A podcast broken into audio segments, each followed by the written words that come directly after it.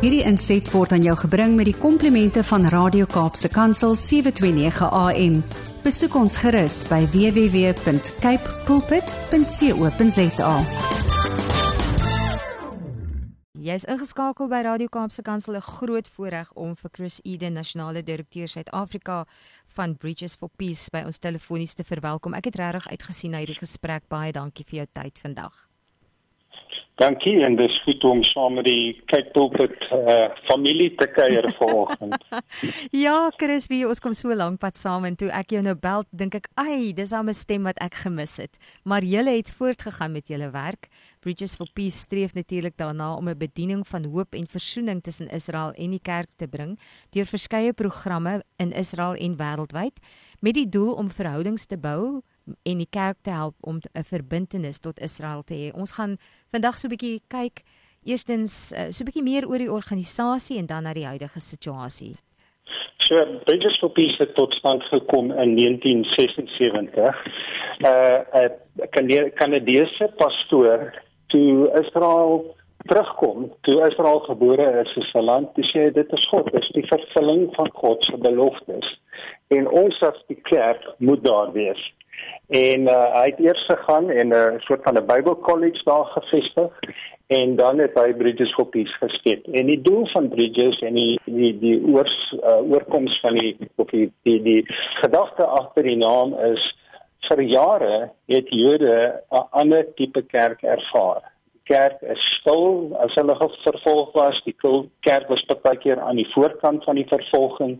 Lyk gesê ek gaan 'n brug bou tussen die twee gemeenskappe en natuurlik die totstandkoming van Israel het 'n platform geskep om Christene betrokke te maak daarso 'n geleentheid te gee.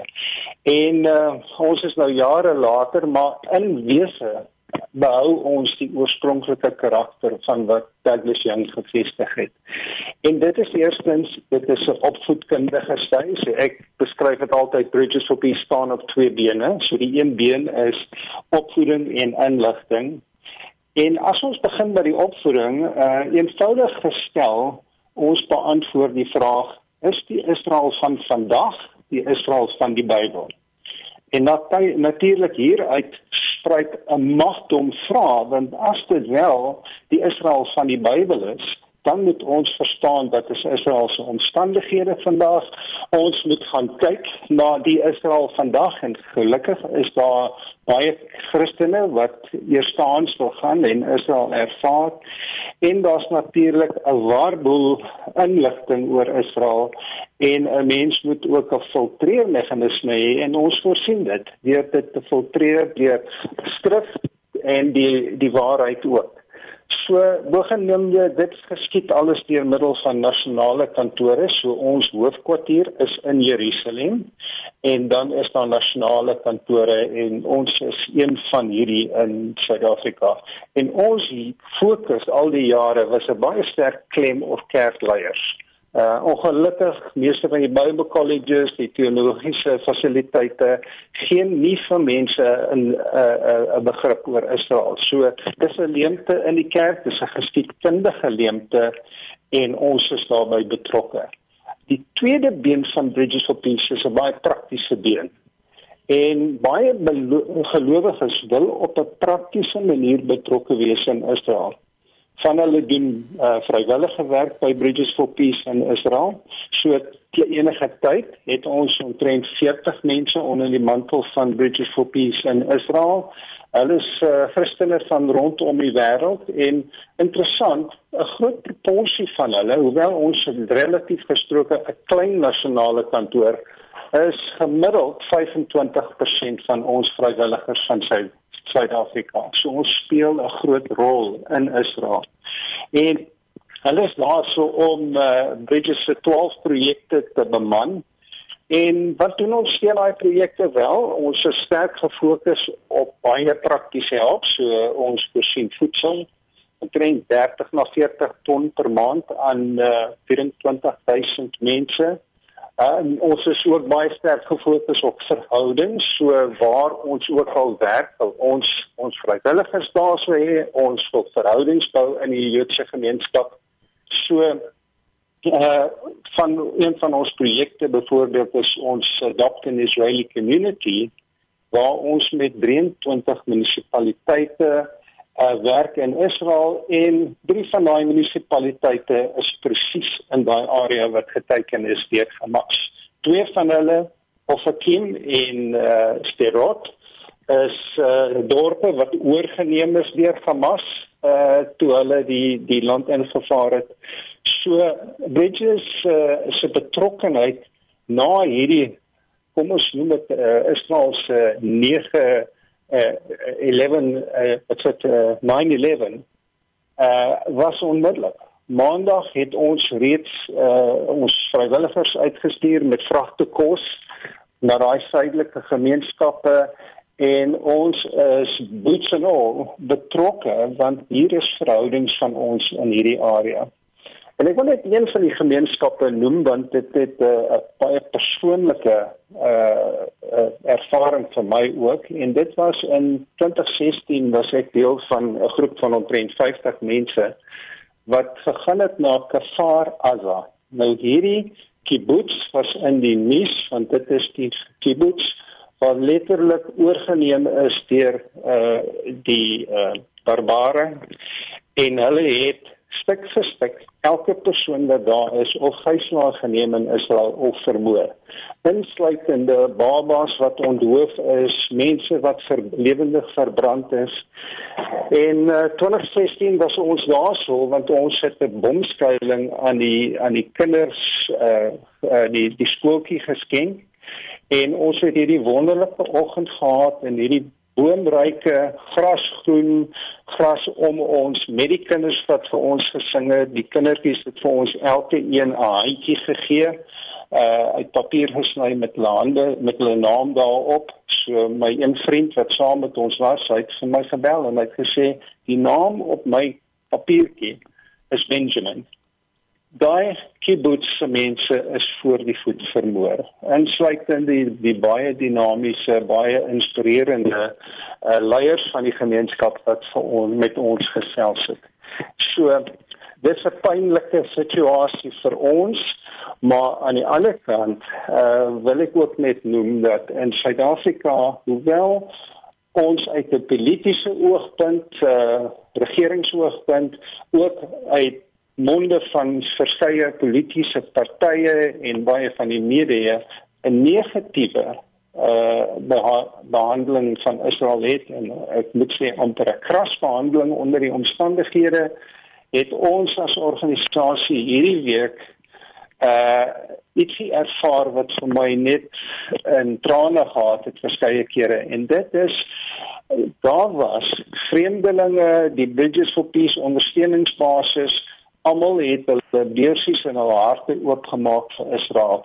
So dit wat ek noem wat wat begin is hierdie week in die vorm van van jy weet praktiese hulp aan die volk van Israel. As ons kyk na die die volume help wat in finansies inkom op die oomblik, is dit vir my 'n uh, riem om in die onder die hart en ek wil sê hoewel daai ander mense mikrofone het en die platforms het, die hart van Suid-Afrika staan met Israel en spreek harder in geestelike terme as enige een van daai ander uh mense wat van praat.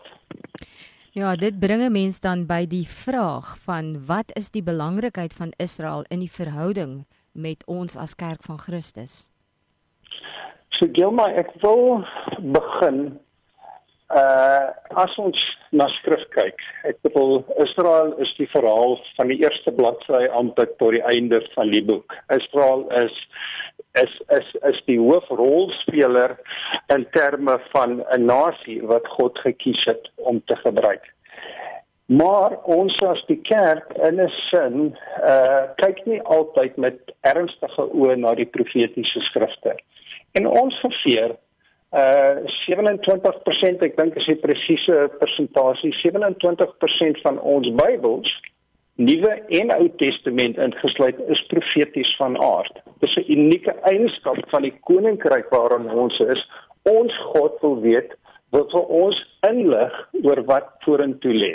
Hoekom sal hy dit doen? Sodat ons toegerus is en soos wat ons nou in Bridges in praktiese terme sien dat ons nie van buite af net aankyk nie maar dat ons kan betrokke wees by die vervulling van daai profesie. En ek is herinner aan die voorval wat gebeur het nadat Christus gekruisig is met die disippels. Ons lees daarvan in Lukas 24.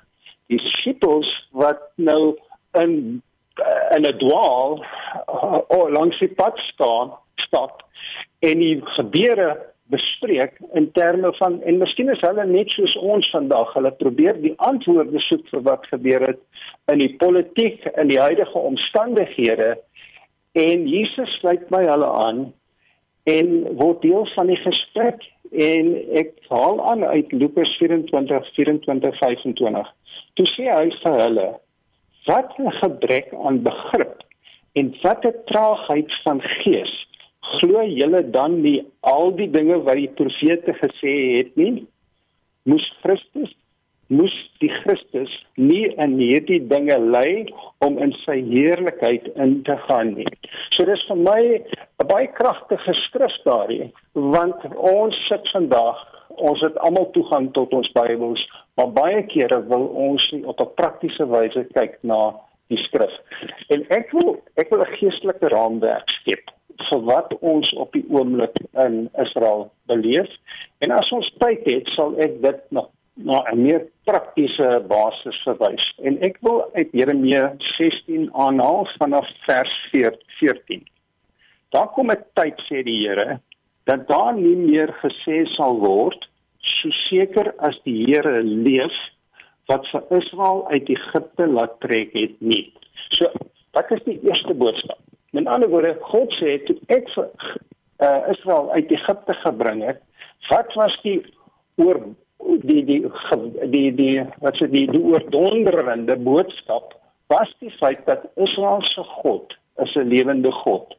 As ons die lied van Moses lees wat ons in Eksodus 15 vers 14 tot 16 kry, besef ons net hoe die streek in 'n krisis gedompel is van God, van die God van Israel wat sy mag teen toon gestel het. Vers 15 dui aan dat daar 'n tweede beweging sal wees. So ons lees nou aan, so daai eerste beeld is God is 'n lewendige God op grond van wat hy gedoen het om die volk Israel uit Egipte te bring. Maar dan gaan die skrif aan.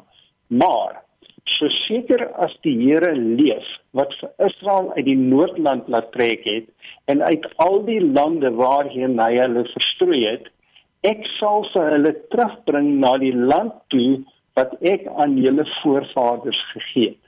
So wat is die boodskap daarso? Die boodskap is dieselfde. Die God van Israel is 'n lewende God, maar die omstandighede verwys direk na die huidige situasie. Die Jode wat terugkeer uit die vier uithoeke van die wêreld, dit het nog nooit voorheen gebring nie. Toe hulle teruggekom het, jy weet onder Nehemia en en Esra, hulle dit was 'n enkele rigting waaruit hulle gekom het. Maar vandag kom hulle terug van oral. Waarheen gaan hulle? Hulle gaan na die land wat ek aan hulle voorvaders gegee het. So die, die skrif is so kragtig. En die boodskap is dis 'n lewende God. Jesaja 36 is ook 'n 'n wonderlike skrif want dit beskryf hoe daai proses sal geskied die die die land sal herstel word, die volk sal fisies terugkom, hulle sal geestelik terugkeer na God. Maar te midde van dit alles sê God, "Wat I Israel, julle moet nie dit misverstaan nie. Ek doen dit nie ter wille van julle, ek doen dit ter wille van my heilige naam." Met ander woorde, wat God vir die volk sê, as julle in die verstrooiing is, as as Israel nie lyk like soos the land of milk and honey dan is dit 'n vraagteken oor my as God. Is ek werklik God? Is ek 'n magtige God of is my mag nie meer genoeg nie? Het ek my planne verander met Israel? Hulle is nie meer geldig nie. En God sê, ek sal dit doen ter wille van my heilige naam. Ek sien nou hierso. Meeste van die profetiese skrifte wat verwys na Israel eindig met 'n stelling dan sal hulle weet dat ek God is. Esegiel sê Esegiel die boek van Esegiel herhaal daai tema homself 76 keer. In die eerste deel van die boek is die verwysing dan sal Israel besef ek is 'n heilige God. Dan gaan dit aan na die omliggende nasies, dan sal hulle besef ek is 'n uh, die enigste God. In die laaste deel van Jesegiel is 'n verwysing van die nasies van die wêreld. Kom ons lees aan vanaf vers 19 in uh, Jeremia. En onthou, die agtergrond is die terugkeer van die Jode uit die vier uithoeke van die wêreld. Here, my sterkte, my beskermer, my toevlug in tyd van nood. Na U toe sal die nasies kom. In die Engelse vertaling is dit heidene, the Gentiles kom van die uithoeke van die aarde af en sal sê ons voorvaders het net valse gode gehad niks werd en nutteloos kan 'n mens vir hom gode maak dit is mos nie gode nie daarom sal ek die nasies my mag en krag laat ken die keer sal ek hulle laat ken en hulle sal weet dat my naam die Here is So hierdie is 'n baie kragtige boodskap wat hierso sit op grond van die terugkeer van van van Israel na die land van van hulle herkoms van na na daai land toe. Daar sal 'n boodskap uitgaan in die nasies en die nasies sal uiteindelik oorreed word, maar die God van Israel is die ware God. En ek wil noem dat hierdie skrif op hierdie terugkeer dus is vir 'n klompie groepe 'n massiewe uitdaging. En die eerste uitdaging is vir die wat sê daar is geen God. Ons leef in 'n wêreld waar God verwyder word uit skole, uit die samewerking uh op soveel wyse. Met ander woorde, 'n 'n wêreld wat vinnig sekulêr word vir al die westerse lande Israel staan as uh, of is soos 'n soos 'n stekel dwars in die krop want dit lyk en die ritme van Israel is soveel soos die Bybel en 'n herinnering dat daar een ware God is. Die tweede groep is vir die wat sê die Bybel is vol mites.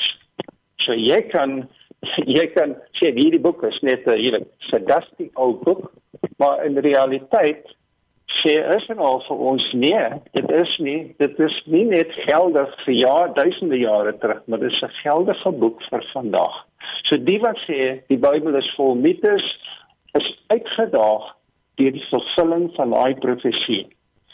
Vir die wat ander gode aanbid.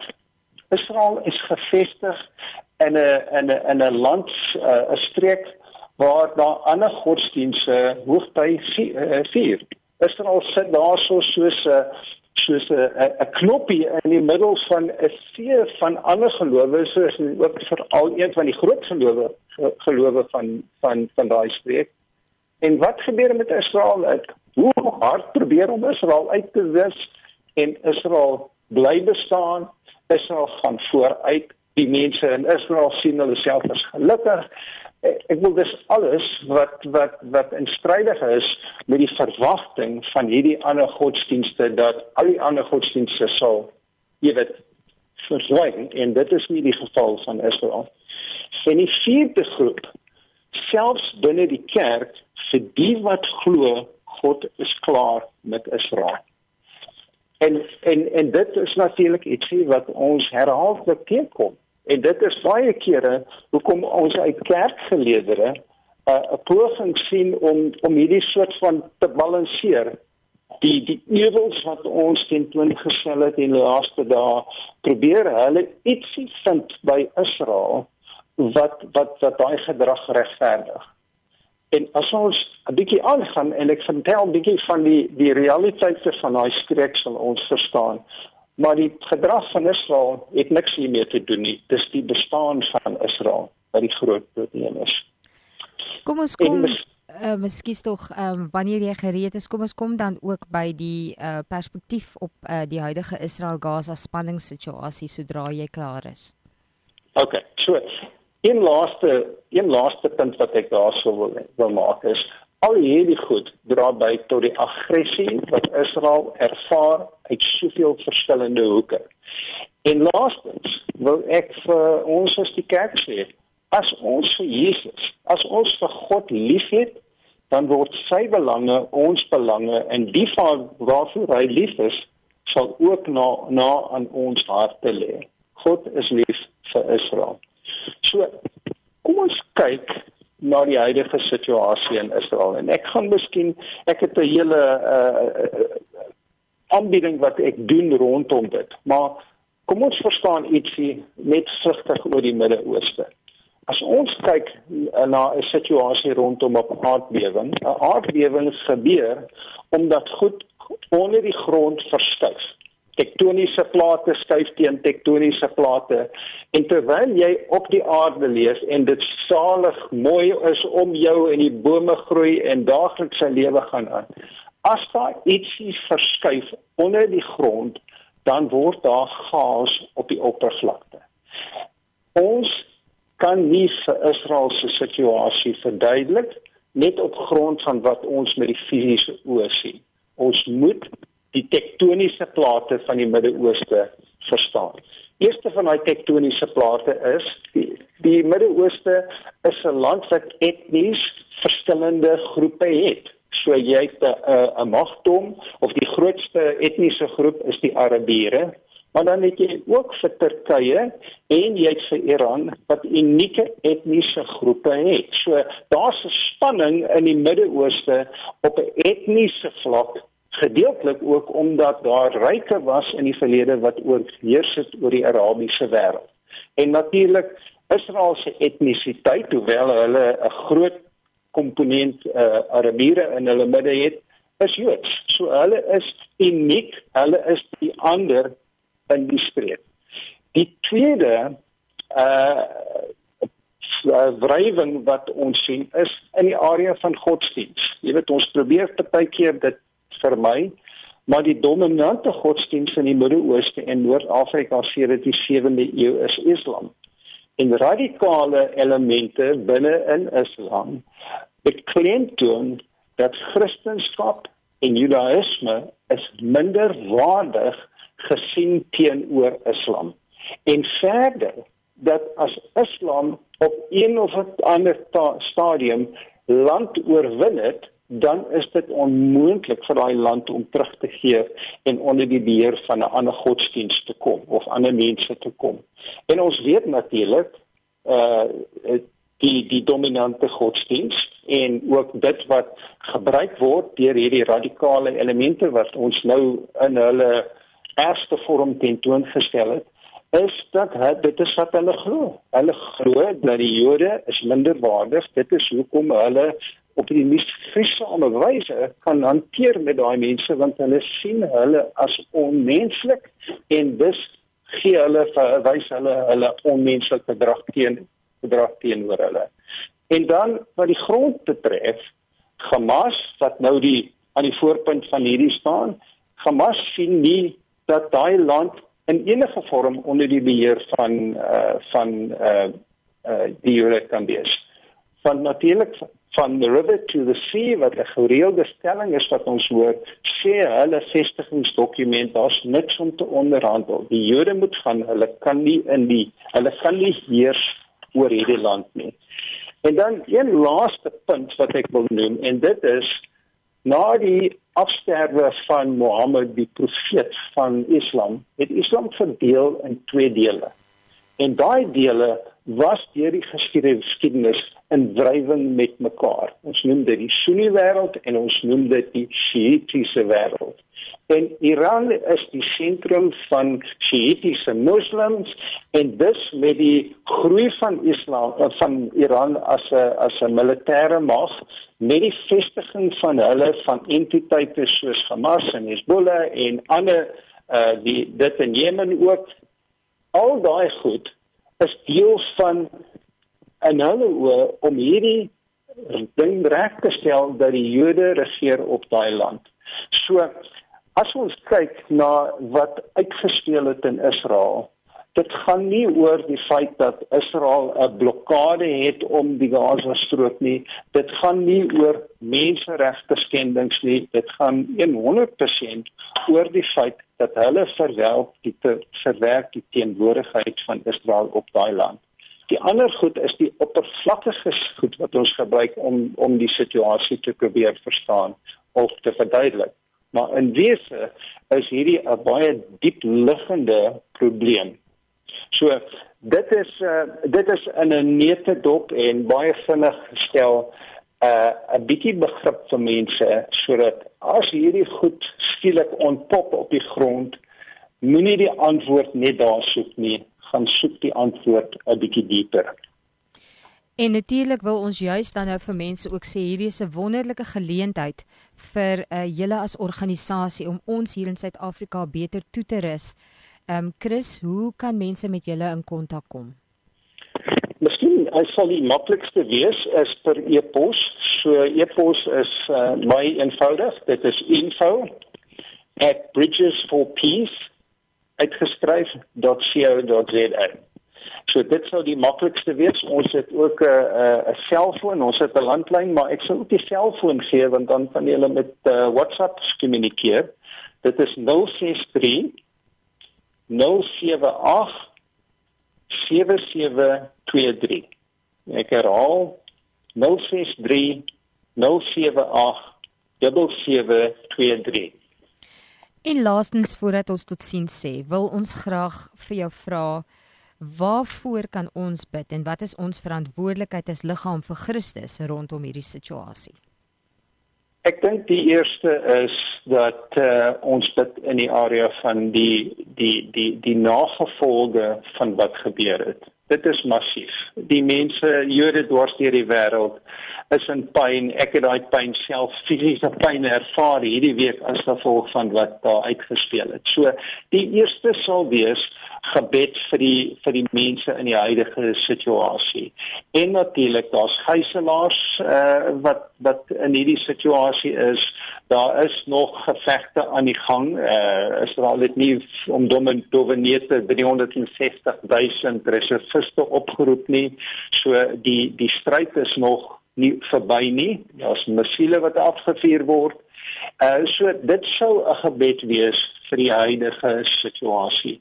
En ek sal ook vra dat dat hulle vir die die Christene wat in die wêreld in in Israel funksioneer op die oomblik soos Bridges for Peace, die Christen ambassade is daar so Christian Friends of Israel.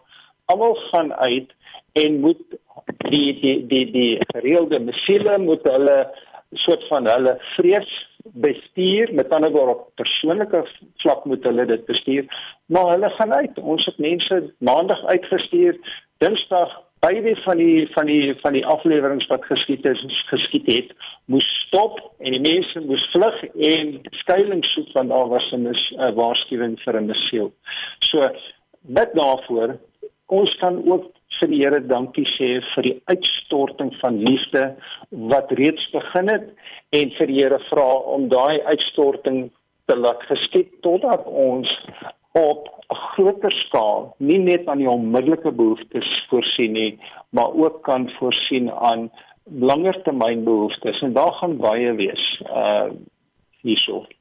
En miskien dan aan die hand van die skrif wat ek aangehaal het en die feit dat Israel se bestaan is 'n uitdaging vir daai groepe mense wat ek genoem het dit daarin dat dat God hierdie sal gebruik om mense tot die besef te laat bring dat is net een God. Ons weet natuurlik toegang tot daai God is deur Christus. Uh vir mense wat skepties is oor die woord van God laat hulle uitgedaag word om die woord van God te lees vir die binne die kerk wat wat skepties is oor die, of twyfel oor die toekoms van Israel dat al daai dinge sal in plek val dat dit wat hierso gebeur het wat 'n massiewe koste is vir die volk Israel dat dit nie vir niks sal wees nie in terme van God se groot planne. So, dankie Gilma vir die geleentheid om te deel met die met die uh, die luisteraars. Ons wil ook vir die luisteraars sê enige iemand wat nou hierdie interessante en baie insiggewende gesprek gemis het, dit sal ook op potgooi beskikbaar wees. Ons sal seker maak dat almal die boodskap hoor en natuurlik info by bridgesforpeace.co.za of 0630787723. Mag die Here vir jou seën Chris ook vir julle met die werk en ook by jou vlug wat jy spoedig moet haal. Ehm um, oh, ja, dankie. 'n veilige vlug vir jou. Lekker dag, totsiens. Baie dankie, totsiens. Nou ek het nou vir jou daardie besonderhede gegee van Bridges for Peace. Kontak hulle, vind uit, nooi hierdie mense, laat ons die belangrike perspektief kry op wie ons en waar ons as kinders van die Here inpas, ook hier vanuit ons onmiddellike land en ons omgewing. En ek wil graag uitspeel um, met 'n inset en dit gaan nou baie herhaal dit wat Chris gesê het. Maar eh, een van ons medewerkers wat in die mediese korps is, het hierdie boodskap gestuur. Shalom. Uh, ek is so dankbaar vir al die mense wat so aan my dink. Dit maak my eintlik sommer baie bewoe. Baie baie dankie julle vir al julle liefde. Ten minste gister en vandag was daar geen mesiele nie die vorige dae moes ek elke nou en dan hardloop na die na die na die na die skuilplekke toe, die die bunkers.